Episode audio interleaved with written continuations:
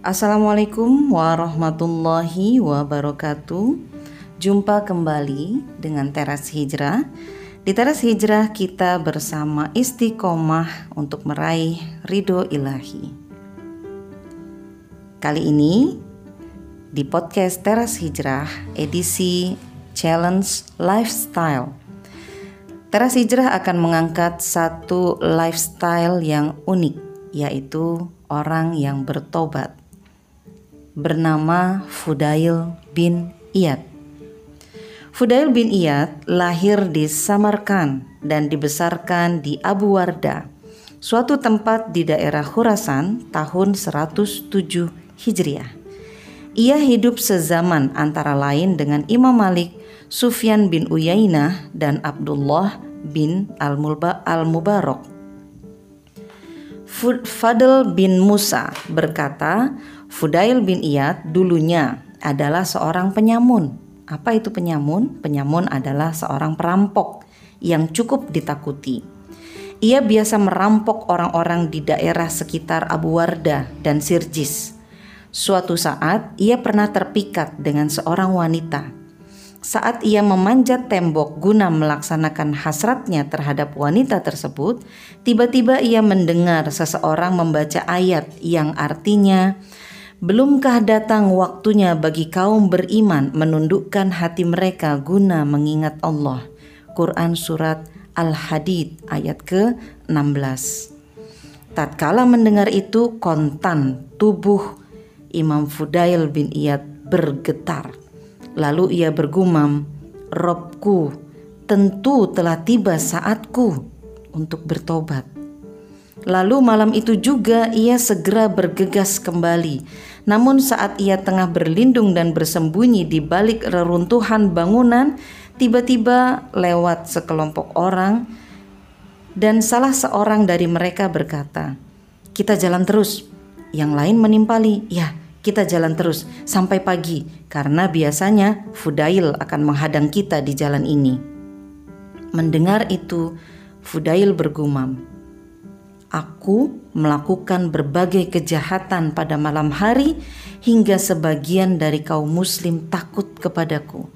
Ya Allah, sungguh aku bertobat kepadamu. Sejak itu, Fudail bin Iyad benar-benar bertobat. Ia berubah menjadi pribadi yang soleh, ahli ibadah, warok, dan zuhud. Ia lalu menghabiskan banyak waktunya di Kufah sambil berguru kepada sejumlah ulama terkemuka. Ia kemudian hijrah dan menetap di Mekah sampai terus berguru ke sejumlah ulama besar di sana. Pada akhirnya, Fudail bin Iyad menjelma menjadi seorang ulama terkemuka, ahli fikih dan ahli hadis. Fudail bin Iyad adalah seorang cerdas, kuat hafalannya dan warok Tiga sifat ini merupakan modal utama seorang ahli hadis. Ia paham betul sabda Rasulullah Shallallahu Alaihi Wasallam. Siapa saja yang berdusta atas namaku, seraya sengaja bersiap-siaplah menempati tempatnya di neraka. Hadis riwayat Al Bukhari. Karena itu tidak aneh jika menurut Sufyan bin Uyainah, Fudail adalah orang yang sikoh atau terpercaya. Imam An-Nawawi pun berkomentar, hadis-hadis yang diriwayatkan Fudail itu sahih. Fudail bin Iyad pun dikenal karena ketekunan dan kehusyuannya dalam beribadah hingga dijuluki Abid al-Haramain, ahli ibadah Mekah dan Madinah. Jika malam mulai datang, Fudail bin Iyad biasa menggelar sajadahnya untuk menunaikan qiyamul lail. Ia terus dalam keadaan sholat hingga rasa kantuknya datang tak tertahankan. Ia pun berbaring sebentar untuk kemudian kembali sholat.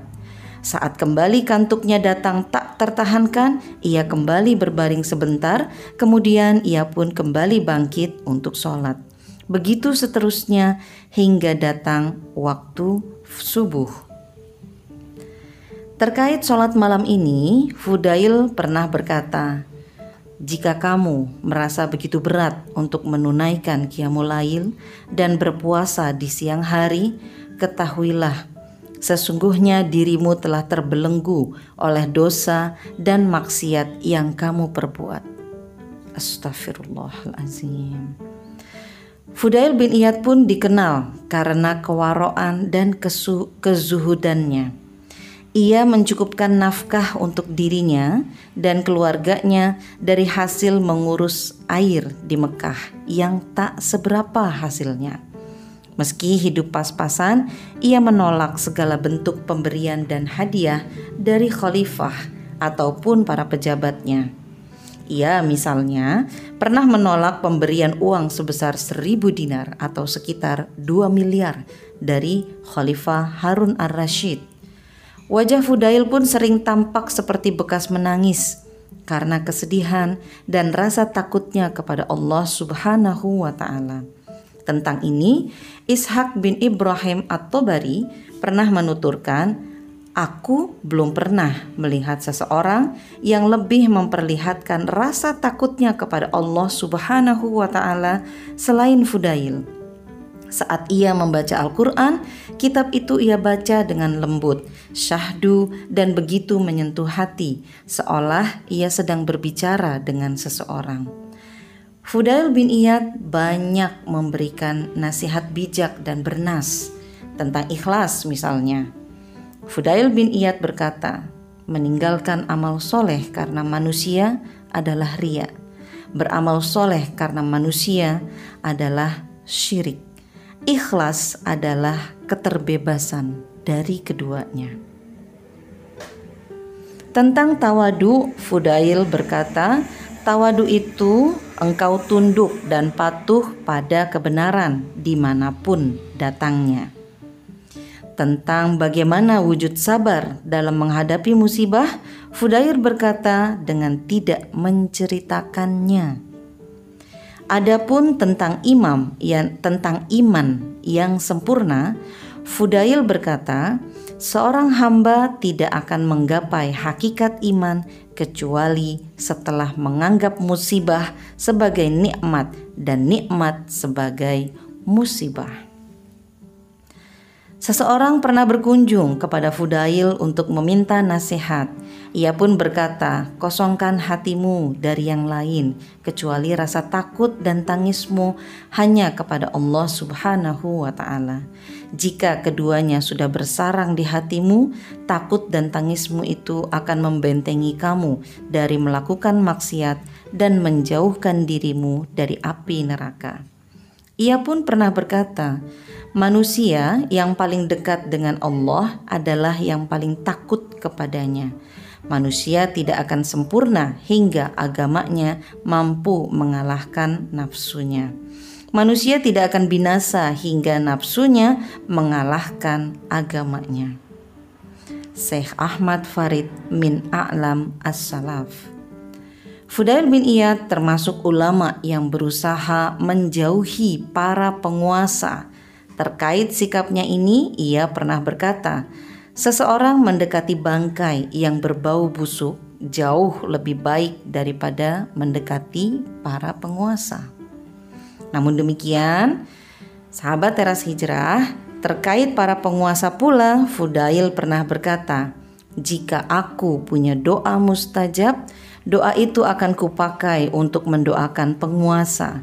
Orang-orang bertanya, Mengapa demikian wahai Abu Ali? Jawab Fudail, jika doa mustajab tersebut kupakai untuk diriku sendiri, aku tidak akan mendapatkan balasan. Namun, jika kupakai untuk mendoakan penguasa, maka baiknya penguasa akan berdampak bagi rakyat dan negeri. Fudail bin Iyad wafat pada tahun 187 Hijriah dalam usia 80 tahun. Sahabat teras hijrah, seseorang yang pernah melakukan kejahatan dan seseorang yang pernah bergelimang di dalam kemaksiatan masih terbuka luas pintu tobat dan memperbaiki akhir hidupnya menjadi orang yang soleh dan beriman kepada Allah Subhanahu wa taala. Tidak ada uh, jalan yang tertutup di dunia ini selama nyawa masih ada di dalam badan kita. Karena itu, sahabat teras hijrah, inilah lifestyle ulama kita yang kedua, yaitu Fudail bin Iyad. Kemaksiatan tidak menghentikan dia untuk mendekat kepada Allah Subhanahu wa Ta'ala dan mengakhiri hidupnya dalam ketaatan kepadanya. Masya Allah. Demikian lifestyle kita kali ini. Kita akan lanjutkan dengan lifestyle berikutnya di teras hijrah yang lainnya. Bilahi taufik wal hidayah. Assalamualaikum warahmatullahi wabarakatuh.